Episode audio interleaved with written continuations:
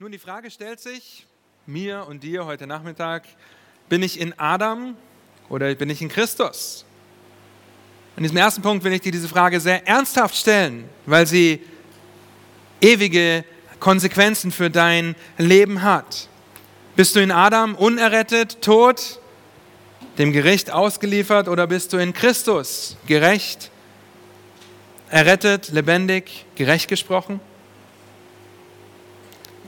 Und so will ich dich herausfordern heute Morgen, dich zu prüfen, ob du gläubig bist oder nicht. Und zwar gläubig an Jesus Christus als deinen Herrn und als deinen Retter, den Gott am dritten Tag aus den Toten auferweckt hat,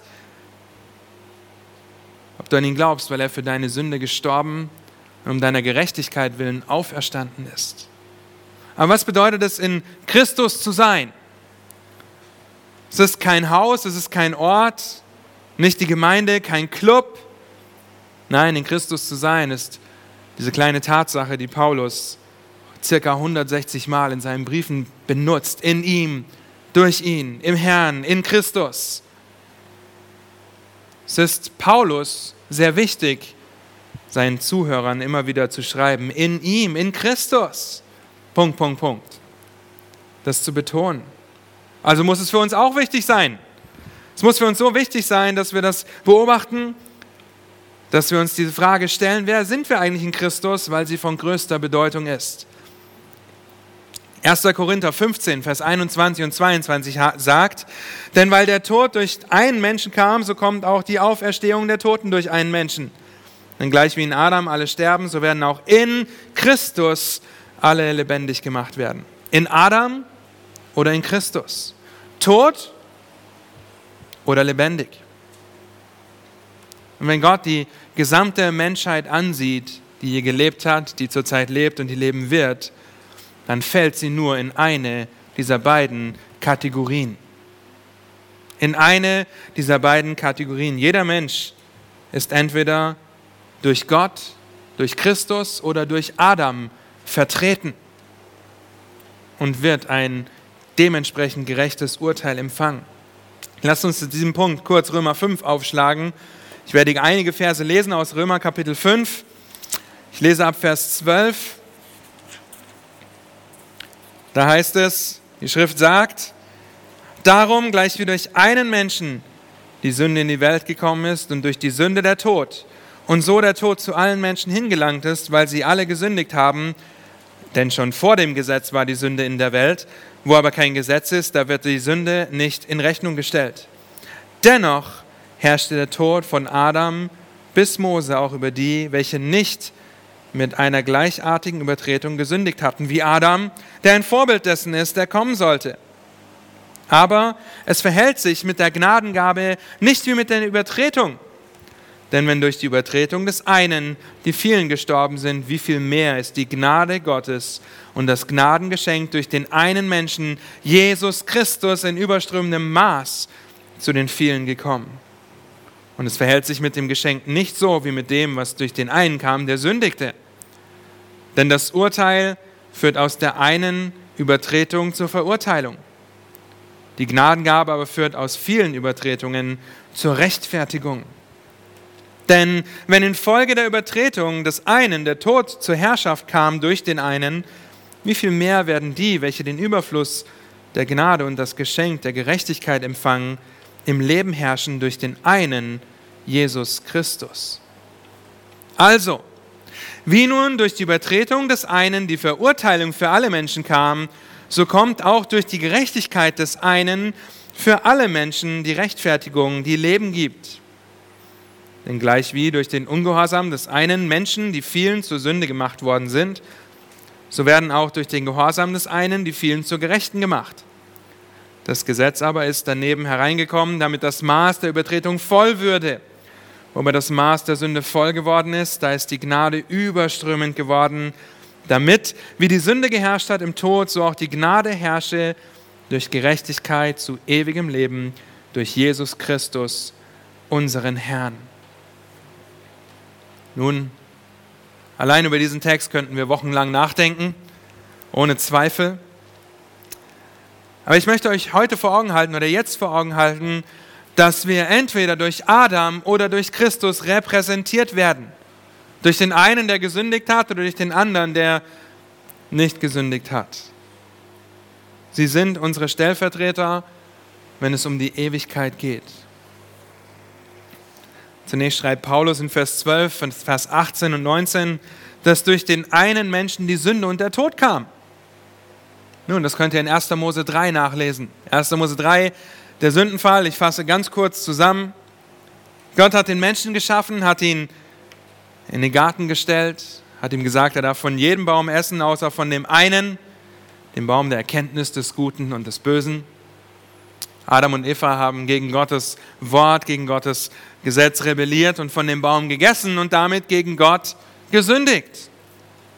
Sind geistlich gestorben von Gott getrennt und letztendlich auch noch körperlich gestorben. Aufgrund von 1. Mose 3 kam die Sünde in die Welt.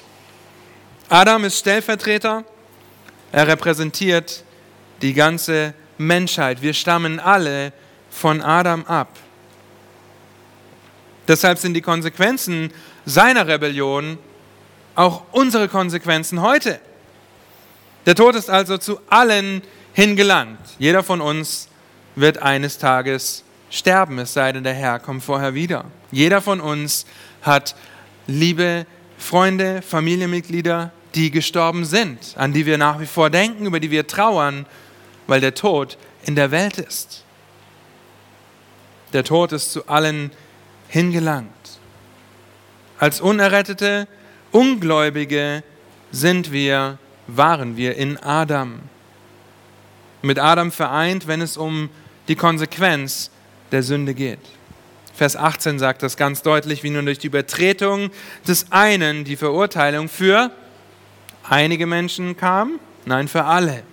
Okay, für alle Menschen kam. Das bedeutet es, in Adam zu sein, ein Sünder zu sein, von Anfang an getrennt zu sein von Gott.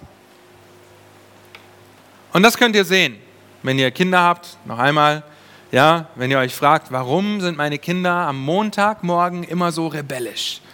Was haben die gestern in der Kinderstunde mit denen gemacht? Nun, wenn ihr auf den Plan guckt, dann steht da nicht, beibringen zu rebellieren.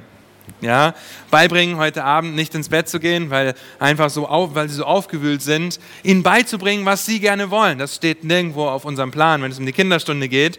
Aber wir alle sind im Folge des Sündenfalls unter dem Fluch der Sünde. Und so müssen wir Kindern und uns selbst nicht beibringen, wie das geht, zu sündigen. Niemand musste das lernen, wie es geht, zu sündigen. Also wer bin ich? Wer bin ich in Adam? In Adam bin ich ein Sünder, der von Gott getrennt, den ewigen Zorn Gottes verdient hat, der nicht in der Lage ist, Gott die Ehre zu geben. David zum Beispiel erkennt das an im Psalm 51, Vers 7. Von Anfang an in Sünde empfangen. Bis zum Zeitpunkt deiner Errettung wirst auch du durch Adam repräsentierst und wirst den Lohn deiner Sünde empfangen. Deshalb die Frage, bist du in Adam oder in Christus? Der Lohn der Sünde ist der Tod der ewige Tod, getrennt von Gott. Aber es gibt die andere Seite. 1. Korinther 6. In Vers 11 schreibt Paulus folgendes. Und solche sind etliche von euch gewesen. Aber ihr seid abgewaschen, ihr seid geheiligt, ihr seid gerechtfertigt worden in dem Namen des Herrn Jesus und im Geist unseres Gottes. Wenn Christus dein Stellvertreter ist und du das von ganzem Herzen bekennst, weil er dich erlöst hat, dann bist du in Adam gewesen. Gleich reden wir noch mehr über die Rechtfertigung. Christus ist der letzte Adam. So wie in Adam die gesamte gefallene Menschheit repräsentiert wird, wird in Christus die gesamte errettete Menschheit präsentiert. Wenn ich in Christus bin, kann ich nicht in Adam sein, weil ich die Schlange in die Ewigkeit gewechselt habe, wenn ihr so wollt. Ich bin nicht mehr auf dem breiten Weg, sondern auf dem schmalen Weg.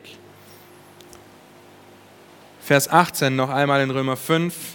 Durch die Übertretung des einen kam die Verurteilung für, die, für alle Menschen. So kommt auch durch die Gerechtigkeit des einen für alle Menschen die Rechtfertigung, die Leben gibt. In Christus ist der Ausweg bereit. Jedem Menschen wird Errettung angeboten. Wenn du heute hier sitzt und dieses Angebot für dich nicht angenommen hast, Jesus Christus zu deinem Herrn und Retter zu machen, dann ist das das Angebot. Christus war völlig gerecht.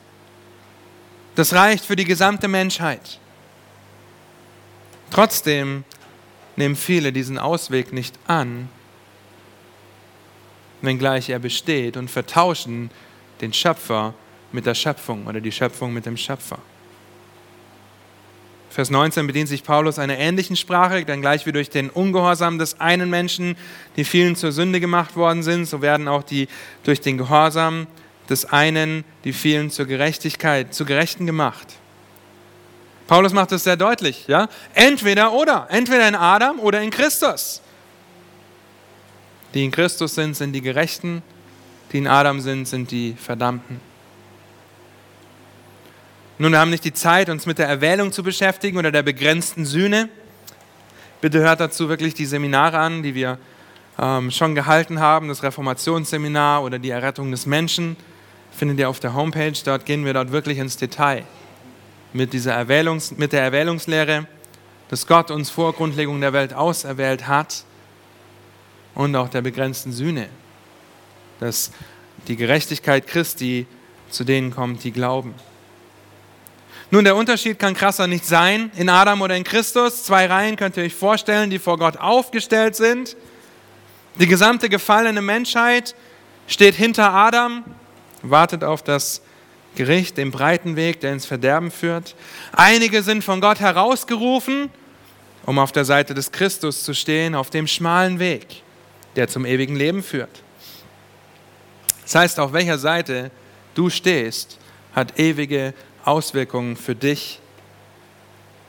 Auf welcher Seite du stehst, wird bestimmen, wo du die Ewigkeit verbringst. Hier ein paar Auswirkungen, hier ein paar Unterschiede.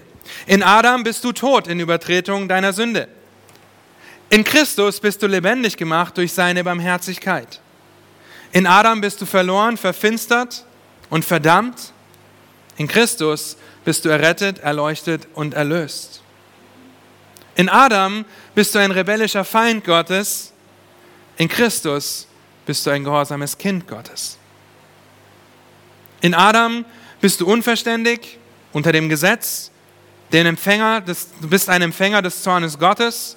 In Christus bist du verständig unter der Gnade und Empfänger seiner Barmherzigkeit.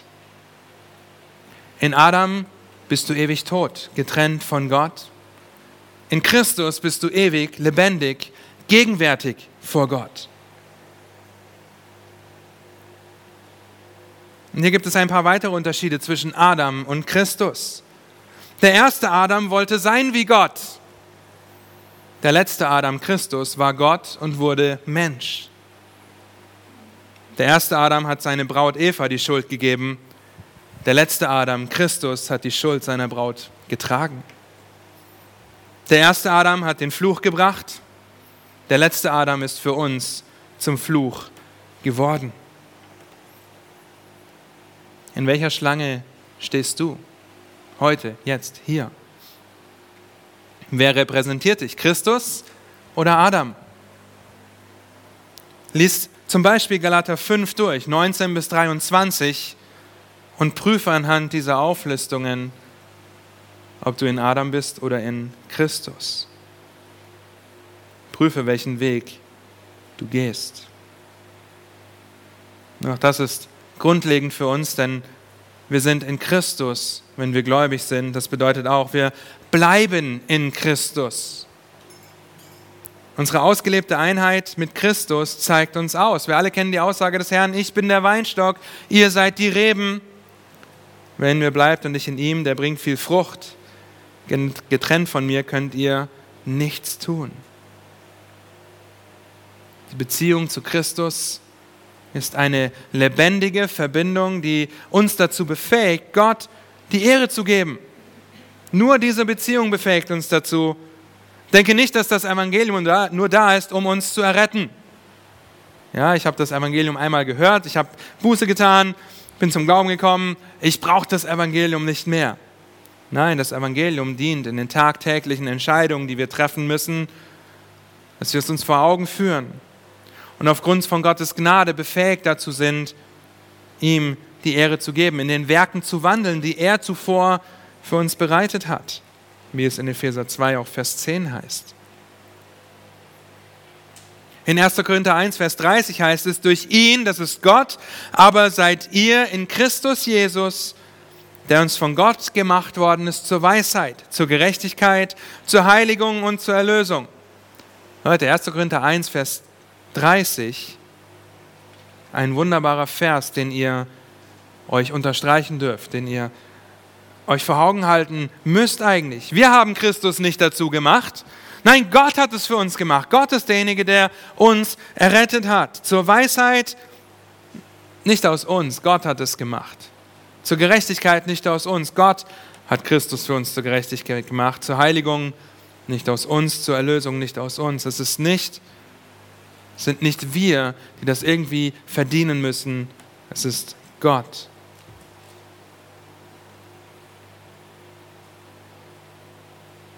Es geht darum, dass diese Wahrheiten unser Leben bestimmen, unsere Anbetung bestimmen, wen oder was wir anbeten, worin wir unsere Hoffnung suchen. Und dadurch, dass wir in Christus sind, sind wir nicht, in ihm, nicht nur in ihm, sondern er ist auch in uns. Wir sind nicht getrennt von ihm. Er ist der Bräutigam, wir sind seine Braut. Und das gibt es sonst nirgends. Er ist unser Bräutigam, wir sind sein Leib, er hat die Gemeinde in die Welt gestellt. Das heißt auch nicht, wenn jemand sagt, oder das bedeutet, wenn jemand sagt, er sei in Christus und er braucht die Gemeinde nicht, dann funktioniert das nicht. Und als letztes müssen wir uns vor Augen halten, dass Christus oder dass wir in Christus die gesamte göttliche Kraft haben, die wir brauchen, um gottesfürchtig zu leben. Da haben wir letzte Woche kurz drüber gesprochen.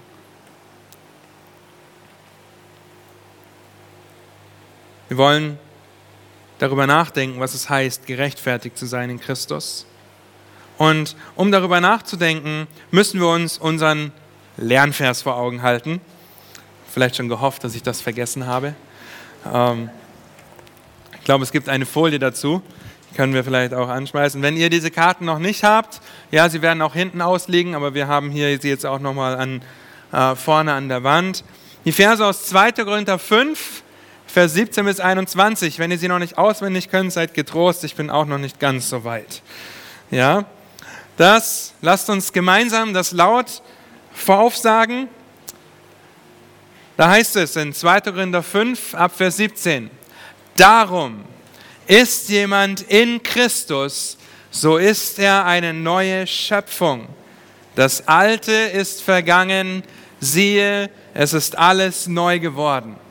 Das alles aber kommt von Gott, der uns mit sich selbst versöhnt hat und Jesus Christus und uns den Dienst der Versöhnung gegeben hat, weil nämlich Gott in Christus war und die Welt mit sich selbst versöhnte, indem er ihre Sünden nicht anrechnete und uns das Wort der Versöhnung in uns legte, so sind wir nun Botschafter für Christus.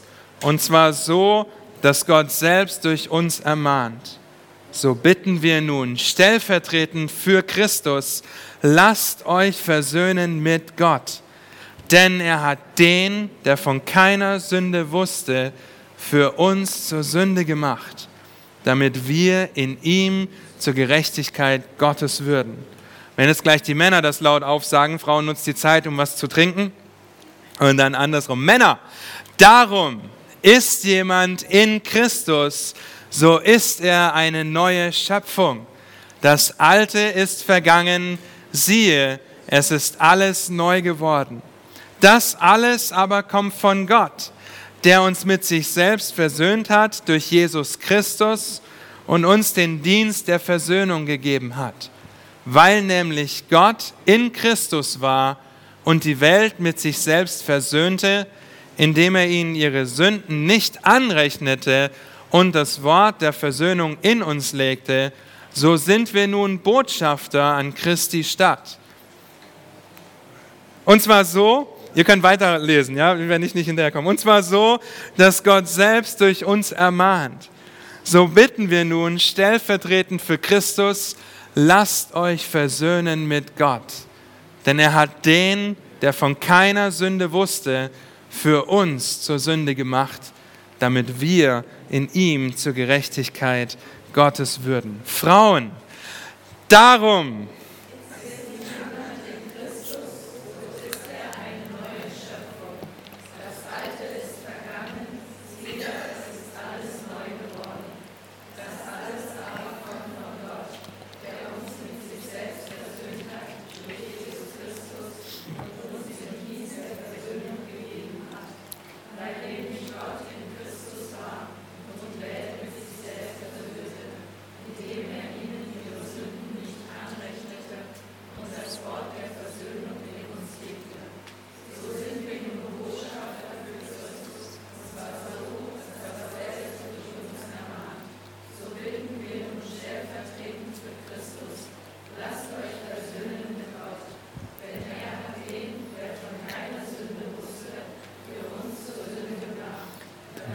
wir zur Gerechtigkeit Gottes will. Wunderbar, vielen Dank. Ja, bleibt an diesen Versen dran. Wie gesagt, wenn ihr noch keine Karte habt, die liegen hinten aus. Für den einen oder anderen mag das vielleicht komisch sein, etwas liturgisch, aber es ist so wichtig, dass wir uns Gottes Wort vor Augen halten. Vers 21, denn er hat den, der von keiner Sünde wusste, von keiner Sünde, für uns zur Sünde gemacht, damit wir zur Gerechtigkeit Gottes in ihm würden. In Christus bin ich, bist du, sind wir gerechtfertigt. Aber wie ist das möglich? Wie kann ein gerechter, ein heiliger Gott, wie kann er uns zu seinen Freunden machen? Er, der keine Sünde dulden kann. Er, der ein zorniger Gott ist, der Gericht üben muss über die Sünde. Nun, das geht nur, indem Gott sein Gericht übt, seinen Zorn ausgießt, die gerechte Strafe ausgießt und das nicht auf irgendjemanden, sondern auf seinen geliebten Sohn. Auf seinen Sohn, der Gott war, Mensch wurde, Gott und Mensch in einem. Am Kreuz stirbt. Stellvertretend für dich und mich, wenn du das für dich in Anspruch nimmst, wenn du das glaubst. Er wurde für dich und für mich zur Sünde gemacht. Der lebendige Gott, für mich, für dich zur Sünde gemacht. Aber was heißt es, gerechtfertigt zu sein? Was bedeutet das? Und wie wird man gerechtfertigt? Und was hat das jetzt mit dieser Frage zu tun, wer bin ich eigentlich? Was heißt es, gerechtfertigt zu sein in Galater 2, Vers 15 und 16 lesen wir folgendes. Wir sind zwar von Natur Juden und nicht Sünder aus den Heiden, doch weil wir erkannt haben, dass der Mensch nicht aus Werken des Gesetzes gerechtfertigt wird, sondern durch den Glauben an Jesus Christus, so sind auch wir an Christus gläubig geworden. Damit wir aus dem Glauben an Christus gerechtfertigt würden und nicht aus Werken des Gesetzes, weil aus Werken des Gesetzes kein Fleisch gerechtfertigt wird. Die Rechtfertigung und die Gegenüberstellung ist Paulus hier sehr wichtig. Es braucht also einen Maßstab, an dem gerecht oder ungerecht gemessen werden kann. Und hier sehen wir diesen Maßstab. Der Maßstab ist das Gesetz, das Gesetz Gottes. Deine Gerechtigkeit wird an deinem Gehorsam gegenüber dem Gesetz gemessen. Ohne Gesetz keine Sünde. Stell dir vor, ihr seid in der Stadt unterwegs, es würde keine Geschwindigkeitsbegrenzung geben. Wir sind sehr dankbar, dass es sie gibt. Aber ohne Geschwindigkeitsbegrenzung keine Geschwindigkeitsübertretung. Ohne Gesetz kein Verstoß gegen das Gesetz. Deshalb haben wir Gottes Gesetz. Das sehen wir hier, das im Gerichtssaal Gottes benutzt wird, um einzuschätzen, um abzuwägen, ob jemand gerecht ist oder nicht. Vor Gott unschuldig ist oder nicht. Das heißt, vor Gott unschuldig zu sein bedeutet es, das Gesetz einzuhalten. Und hier kommt wieder die Frage, wie kann ein Gott, der diesen Maßstab hat, diesen Maßstab an die gesamte Menschheit legt, uns gerecht sprechen? Wie ist das möglich, wenn wir doch jeder von uns gegen dieses Gesetz verstoßen? Paulus betont das in diesen Versen in Galater. Ja, es ist ihm wichtig, dass seine Empfänger das verstehen. Sie können nicht, wir können nicht, du kannst nicht, ich kann nicht durch Werke des Gesetzes gerechtfertigt werden. Dreimal wiederholt Paulus das. Warum geht das nicht? Durch das Werk des Gesetzes. In Galater 3, Vers 10 schreibt Paulus, denn alle, die aus dem Werk des Gesetzes sind, die sind unter dem Fluch. Denn es steht geschrieben, verflucht ist jeder, der nicht bleibt in zwei Gesetzen, ja, die im Buch des Gesetzes stehen. Ja, also wenn du zwei Gesetze einhältst, dann ist das okay. Nein, verflucht ist jeder, der nicht bleibt in allem, was das Buch, was im Buch des Gesetzes geschrieben steht, um es zu tun. Das ist die, die Messlatte. Alles einzuhalten, was in Gottes Wort steht. Und zwar in Gedanken, in deinen Worten und in deinen Taten. Alles zu tun, diese Messlatte einzuhalten. Wer kann das? Vielleicht denkst du daran, wenn du ein kleines Kind warst und sofort und schnell wütend geworden bist, wenn Mama und Papa etwas wollten, was du nicht tun wolltest, gegen das Gesetz Gottes verstoßen. In Gedanken, Worten und Taten. Später sagen deine Eltern zu dir, jetzt setz dich hin und iss mit uns und du sagst, ich setz mich hin, aber innerlich stehe ich. Nun, in Gedanken wütend, gegen das Gesetz gebrochen. Gehst als Teenager in die Tankstelle. Zu einer Beschämung treffe ich, gehöre ich da auch dazu und klaust einen Center Shock, ein Kaugummi. Du tust etwas, was gegen das Gesetz Gottes ist. Ja, Gott sei Dank wurde ich erwischt, musste das klarstellen und äh, Gott hat Gnade walten lassen. Ja, aber gegen das Gesetz Gottes gebrochen, vielfältig und auf vielerlei Weise. Ganz kreativ, manchmal sogar. Und wie wird das ganze Gesetz von Christus zusammengefasst? Du sollst den Herrn, deinen Gott, lieben, mit deinem ganzen Herzen und mit deiner ganzen Seele und mit deinem ganzen Denken. Das ist das erste und größte Gebot und das zweite ist ihm gleich. Du sollst deinen Nächsten lieben wie dich selbst. An diesen zwei Geboten hängt das ganze Gesetz und die Propheten. Matthäus 22. Nun, es muss nicht erwähnt werden, dass niemand von uns, der hier sitzt, ja, das so perfekt und ohne Sünde eingehalten hat. Niemand, kein Mensch, der hier gelebt hat, außer Jesus Christus, hat auch nur annähernd und vollständig eines dieser beiden Gebote, in dem das ganze Gesetz zusammengefasst ist, eingehalten, in Gedanken, in Worten und Taten. Was sind deine ersten Gedanken, wenn dir jemand die Vorfahrt nimmt und du es eilig hast? Was sind deine ersten Gedanken, wenn dein Kind nachts mit den Zähnen knirscht? Ihr erinnert euch an letzte Woche. Was sind deine Gedanken, wenn morgen früh der Wecker klingelt? Ist es Tell me why I don't like Mondays oder freust du dich auf die kommende Woche? Wenn du meinst, durch deinen eigenen Gehorsam gerecht vor Gott stehen zu können, dann stehst du unter seinem Fluch. Wir sind geistlich tot, bis wir geistlich lebendig gemacht werden von einer externen Quelle. Wir nutzen das Beispiel häufig. Geht auf einen Friedhof und guckt mal, was die Toten so treiben. Sie können nichts mehr tun. Sie sind tot. Gott hat den, der von keiner Sünde wusste, für uns zur Sünde gemacht eine externe Quelle. Allein dieser Vers, wer ist der Urheber des Ganzen? Das ist Gott, der Vater. Er ist der Handelnde in diesem Vers. Wer ist in ihm? Das ist Christus. Er hat den, der von keiner Sünde gemacht wusste, oder den, der, das ist Christus, der Sohn Er ist die Zielperson des Handelnden mit dem Ergebnis, dass wir später zur Gerechtigkeit würden. Wie spricht die Bibel vor unserer Rechtfertigung, vor unserer Errettung über uns? Wir sind tot, wir sind Feinde, wir sind Übertreter. Ihr könnt noch so viele weitere Worte lesen, Sünder.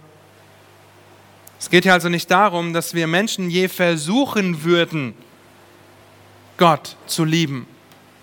Viele Menschen versuchen Gott zu gefallen, verstehen aber nicht, dass nur durch Glauben die Rechtfertigung kommt. Aber kein Mensch kann aus eigener Kraft jemals Gott lieben. Das geht nicht. Wir sind seine Feinde und wir sind die Objekte seines Zorns.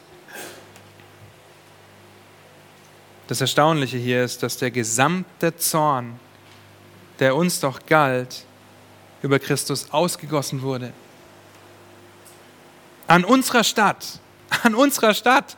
Eigentlich hätte dieser gesamte Zorn Gottes über uns ausgegossen werden musste, werden müssen, aber den, der von keiner Sünde wusste, der wurde für uns zur Sünde gemacht, für dich, für mich und von Gott selbst wird bestätigt, dass es sich dabei um seinen geliebten Sohn handelt, an dem er wohlgefallen hat.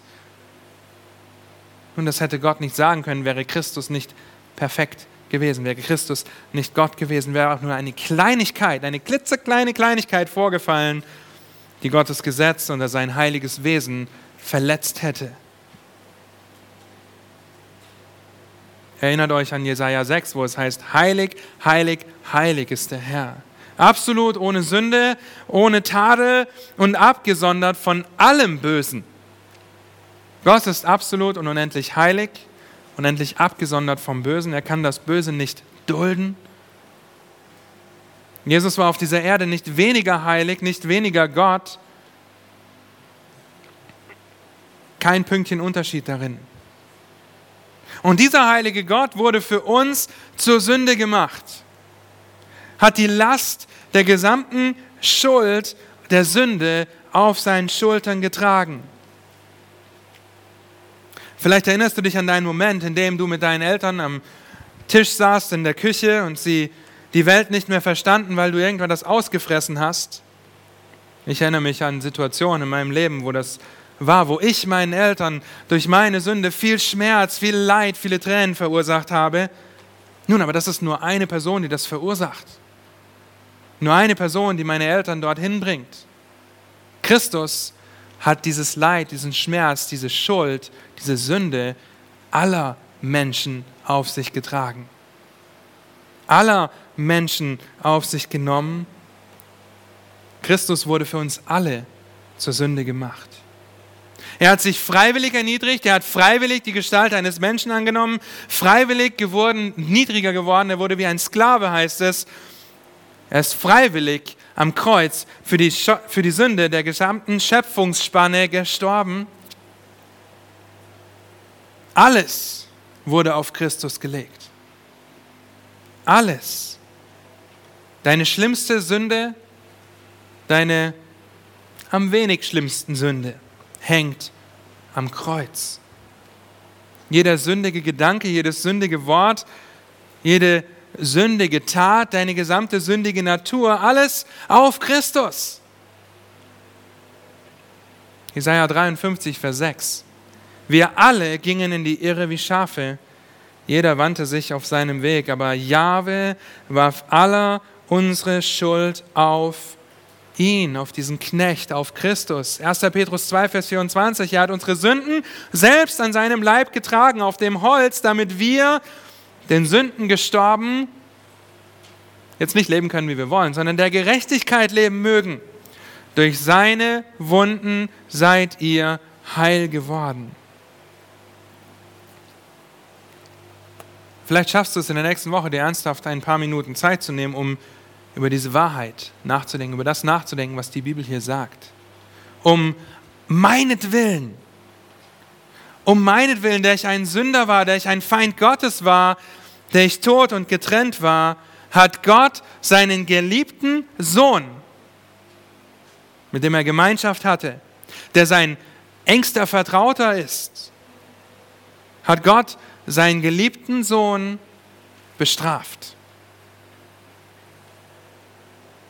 All unsere Feindschaft, all unsere Sünde, all unsere Gottlosigkeit genommen und auf Christus gelegt. Er wurde um unserer Übertretung willen durchbohrt, wegen unserer Missetaten zerschlagen. Die Strafe lag auf ihm, damit wir Frieden hätten. Durch seine Wunden sind wir geheilt worden. Und dann Jesaja 53, Vers 10. Da heißt es, aber Jahwe gefiel es, ihn zu zerschlagen. Er ließ ihn leiden. Wenn er sein Leben zum Schuldopfer gegeben hat, so wird er Nachkommen sehen und seine Tage verlängern und das Vorhaben Jahwes wird in seiner Hand liegen. Jahwe gefiel es. Ist Gott ein Sadist? Der gemeine, fiese Gott, der uns Leiden zufügt mit Absicht, der seinen Sohn mit Absicht zerschlägt? Ja, mit Absicht ja, aber nicht, weil er der gemeine, fiese Gott ist, sondern weil er um unseretwillen das tun wollte, damit wir einen Zugang haben zum Vater. Dikaiosyne ist das griechische Wort, das im Neuen Testament benutzt wird für Rechtfertigung. Es ist ein Ausdruck von Gottes Gnade, oder es ist der Ausdruck von Gottes Gnade, ohne dass seine Gerechtigkeit dadurch untergraben wird. Habt ihr das verstanden? Ja, diese, diese Rechtsprechung, die Rechtfertigung ist ein Ausdruck von Gottes Gnade, ohne dass seine Gerechtigkeit untergraben wird. Das heißt, Gott bleibt seinem Wesen treu. Gott ist ein Gott, der nicht auf der einen Seite sagen kann, ich bin ein gerechter Gott, und auf der anderen Seite sagen kann, ich bin einfach so gnädig, ohne meine Gerechtigkeit walten zu lassen. Also ein Ausdruck der Gnade Gottes, ohne dass seine Gerechtigkeit, sein Zorn, seine Heiligkeit dadurch untergraben wird. Mit anderen Worten, deine Gerechtsprechung bedeutet, dass jemand anders für dich geschlagen werden musste, bestraft werden musste. Und das ist Christus, dass Christus für dich zur Sünde gemacht wurde. Wir wissen, dass keiner da ist, der heilig ist. Wir wissen, dass es keinen gibt, der nach Gott fragt. Wir wissen, dass wir in Sünde empfangen sind, von Natur aus in Adam sind, nicht in Christus. Und jetzt stell dir vor, wir alle kommen als ein weißes Blatt Papier auf diese Welt. Ein Blatt Papier, das für unsere sündige Natur steht. Im Laufe der Jahre fangen wir an zu sündigen. Das ist jetzt vielleicht Philipp. Ja, dann gehen wir weiter zu Kathleen, ein bisschen mehr. Ja, ähm, wer ist älter? Naja, egal. Das ist vielleicht Alex. Ja, keine Sorge. Und das ist Sam, okay? ja, und wir meinen, ihr Lieben, wir meinen, ja, mein Stapel an Sünde ist noch nicht so groß. Ja, Philipp, ja, hier ein paar Blättchen, ist, ist im Vergleich zu Sam überhaupt, ist nichts im Vergleich.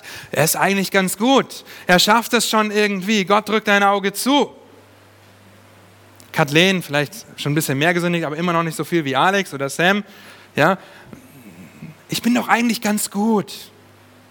Ja, ich bin, ich, ich bin doch eigentlich, ja, eigentlich ein ganz guter Mensch. Wir können noch Johanna dazu nehmen, egal. Ja, wir können uns alle dazulegen. Aber wisst ihr was?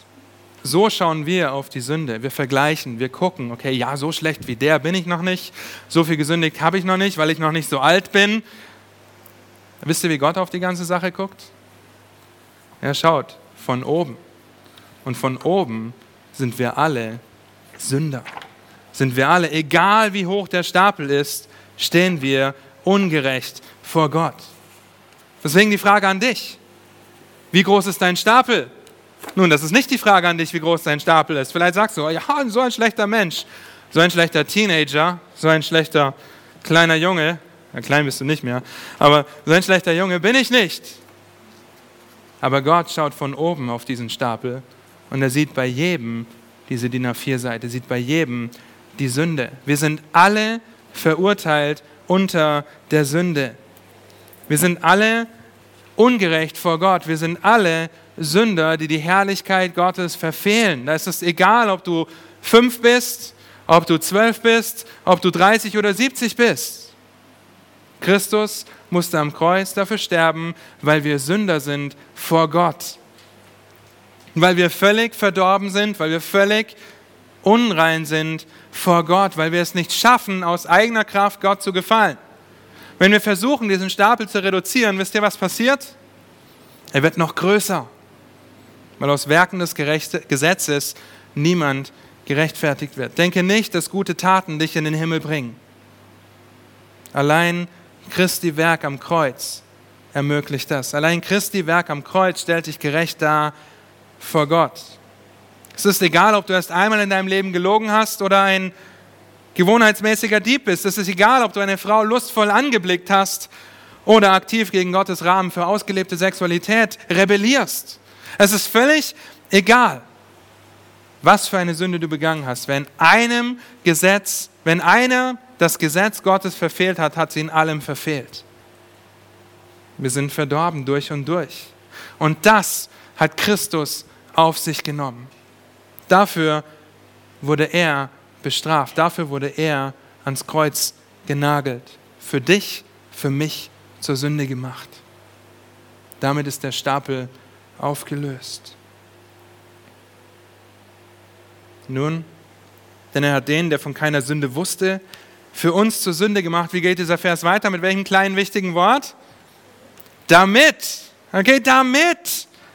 Es hat einen Grund, warum das so passiert ist, damit wir zur Gerechtigkeit Gottes würden. In Philippa 3 schreibt Paulus den Philippern sein Zeugnis und in Vers 9 sagt er, und in ihm erfunden werde, in Christus, indem ich nicht meine eigene Gerechtigkeit habe, die aus dem Gesetz kommt, dann wäre es ziemlich düster ausgestanden ähm, um Paulus, sondern durch den Glauben an Christus die Gerechtigkeit aus Gott aufgrund des Glaubens. Es hat nichts mit dem Gesetz zu tun, dass wir gerecht gesprochen werden. Es ist vielmehr die perfekt ausgelebte Gerechtigkeit unseres Herrn Jesus Christus, die uns zugesprochen wird, wenn wir glauben. Es ist dieser große Austausch, wir singen das noch gleich, sein Kleid für meins. Der große Austausch, aufgrund dessen wir, was wir nächste Woche hören werden, eine neue Schöpfung sind. Unser Konto, mein Konto, gefüllt mit jedem Gedanken, mit jeder Absicht, mit jedem Tat, mit jeder Tat, mit jedem Wort, wurde auf Christus überschrieben. Wäre das nicht der Fall, würde es ziemlich dunkel aussehen. All das wird auf das Christi, auf das Konto, wenn ihr so möchtet, Christi übertragen. Der Herr trägt die Schuld am Kreuz, die Strafe der Sünde am Kreuz. Für uns bedeutet das aber nicht, dass wenn uns die Schuld vergeben ist, weil Christus am Kreuz dafür bezahlt hat, dass wir jetzt ein leeres Konto haben. Kontostand null und jetzt müssen wir versuchen, durch eigene Werke, durch eigene Kraft, durch, ja, ich bin der Beste bei der Arbeit, ich ähm, helfe meiner Nachbarin, die in fortgeschrittenen Alter ist, beim Einkauf und ich versuche ein guter Mensch zu sein. Wir müssen uns nicht versuchen, aus eigenen Werken aus eigener Kraft, mit guten Motiven, mit guten Gedanken, mit guten Taten zu füllen. Nein, nicht nur, dass unser Kontostand auf Null ist, sondern er wird mit der perfekten Gerechtigkeit Christi gefüllt. Das sind die zwei Teile des Verses. Er hat den, der von keiner Sünde wusste, für uns oder für mich zur Sünde gemacht. Kontostand Null. Damit ich einen Kontostand habe der Gerechtigkeit Christi. Uneingeschränkt. Mit allem, was dazu gehört. Komplett. In Computersprache könnt ihr sagen, Steuerung C, Steuerung V. Wer weiß, was das für Begriffe sind? Kopieren und einfügen. Okay? Kopieren und einfügen der Gerechtigkeit Christi. Auf deinem Konto vor Gott sind also ab sofort nicht mehr die Sünden gelistet, die du tust, getan hast, sondern der perfekte Gehorsam Christi, der stellvertretend am Kreuz für dich gestorben ist. Ohne Kompromisse. Und wie ist das möglich? Das ist nur möglich, weil wir in Christus sind.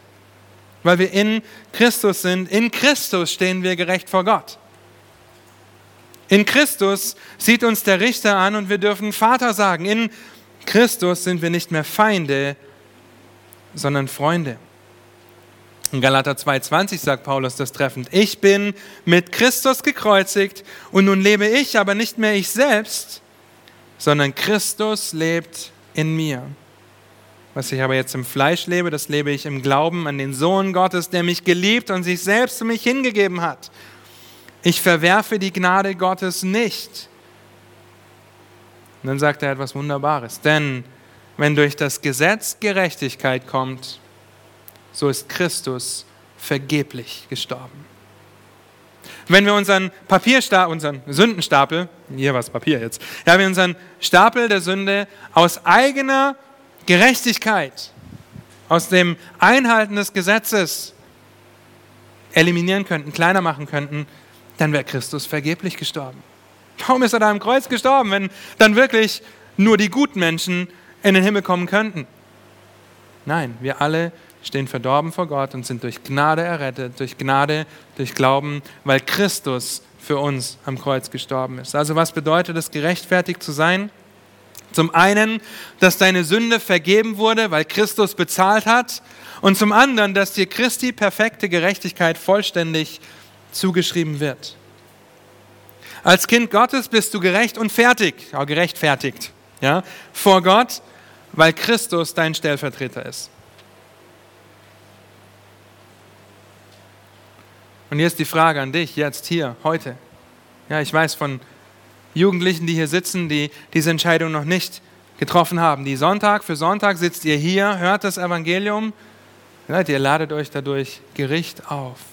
Die Frage an dich, jetzt und hier, bist du in Christus gerechtfertigt? Nimmst du das, was Christus am Kreuz getan hat, dass er für dich zur Sünde wurde, damit du zur Gerechtigkeit Gottes würdest in Christus, nimmst du das für dich in Anspruch? Hast du dieses Lied, was wir so häufig singen, sein Kleid für meins, für dich in Anspruch genommen? Wenn nicht, dann tue Buße, dann bin ich Botschafter an Christi Stadt. Und bitte dich, lass dich versöhnen mit Gott. Glaube an Christus, der stellvertretend für dich, für mich am Kreuz gestorben ist, der auferstanden ist. Und das hat zwei Seiten. Das, wenn ihr lange in der Gemeinde seid, habt ihr das auch schon lange gehört. Diese Buße bedeutet auf der einen Seite Abkehr, sich von etwas einem zu etwas anderem hinwenden. Und zum anderen bedeutet das Abhängigkeit. Wenn du Christus glauben und ihm vertrauen willst, dann bedeutet das, dass du dich von deiner Sünde, deinem Leben und deinen Vorlieben, also all das, was du so gerne tust oder was du meinst zu brauchen, abkehrst und in die Abhängigkeit Christi stellst. Ist das in deinem Leben Realität? Vielleicht auch, wenn du das nicht für dich in Anspruch genommen hast und nicht jugendlich bist, dann fühl dich jetzt geschmeichelt, ich habe dich als Jugendlicher angesprochen. Ist das Realität in deinem Leben? Denn einzig und allein Christus hat es vollbracht. Vollständig. Schaut auf eure Lernverskarte. Das Alte ist vergangen. Alles ist neu geworden. Nur durch Christus. Glaube an den Herrn und du wirst errettet werden. Und du wirst vor diesem großen, gerechten Richterstuhl, Gericht Gottes, wo er seinen Zorn ausgießt und du die Ewigkeit getrennt von ihm verbringen wirst, verschont, weil Christus deinen Platz eingenommen hat.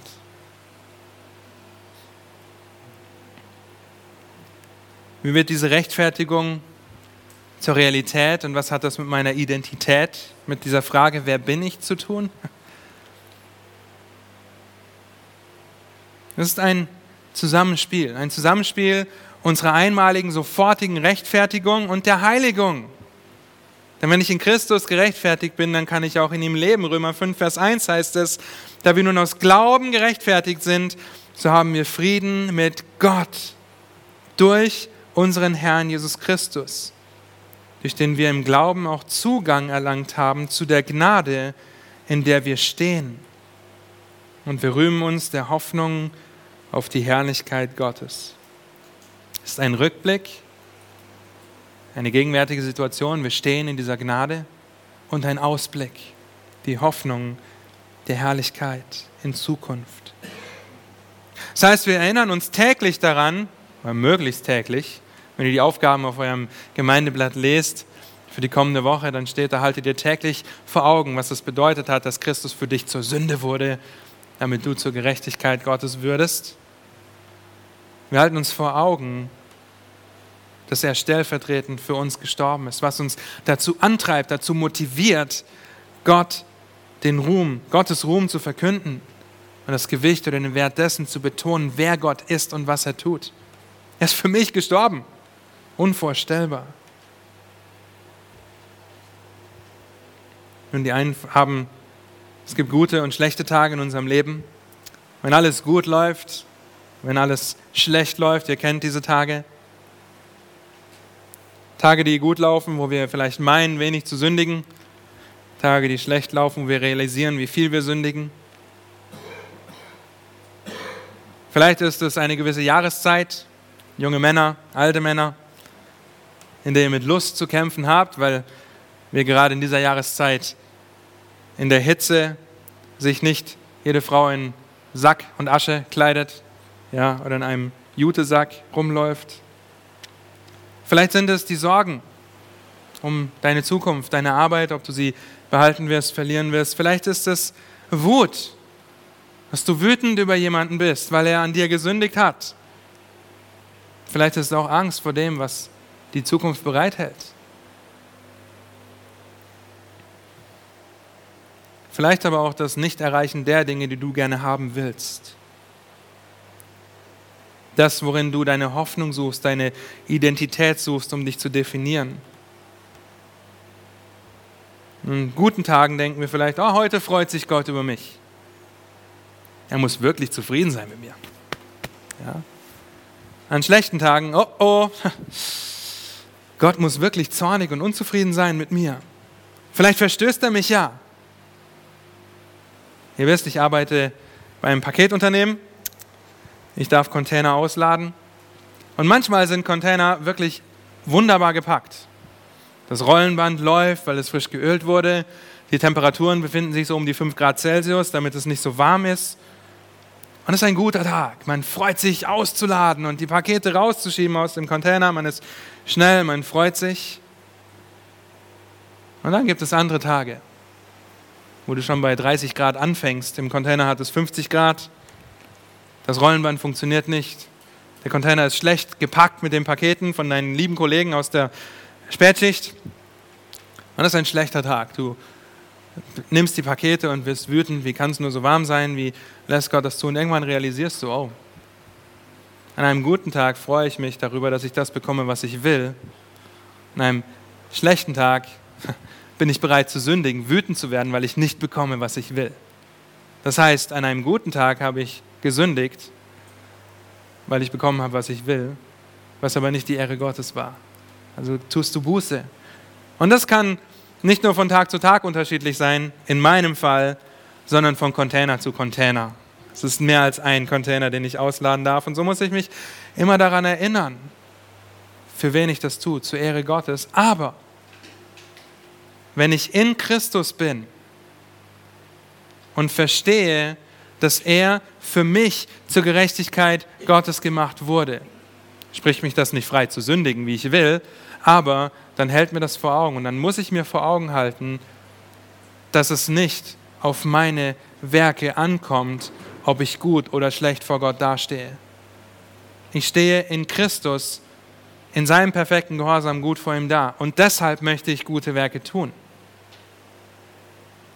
Die Perspektive ist das Kreuz und nicht mein Bauchnabel. Denn in dem Kreuz liegt die Kraft, Christus stirbt an unserer Stadt. Predige dir das Evangelium täglich. Halte dir täglich vor Augen, was Christus für dich am Kreuz getan hat. Werde dir deiner Rechtfertigung bewusst. Ich bin mit Christus gekreuzigt. Er wurde für mich zur Sünde gemacht. Das heißt, in Christus bin ich auch lebendig und habe ewiges Leben, damit ich zur Gerechtigkeit Gottes würde in ihm. Ich bin gerechtfertigt, ich stehe gerecht vor Gott, weil meine Sünde auf Christus und Christi Gerechtigkeit auf mich gelegt wurde. Das alles aber kommt von Gott. Amen.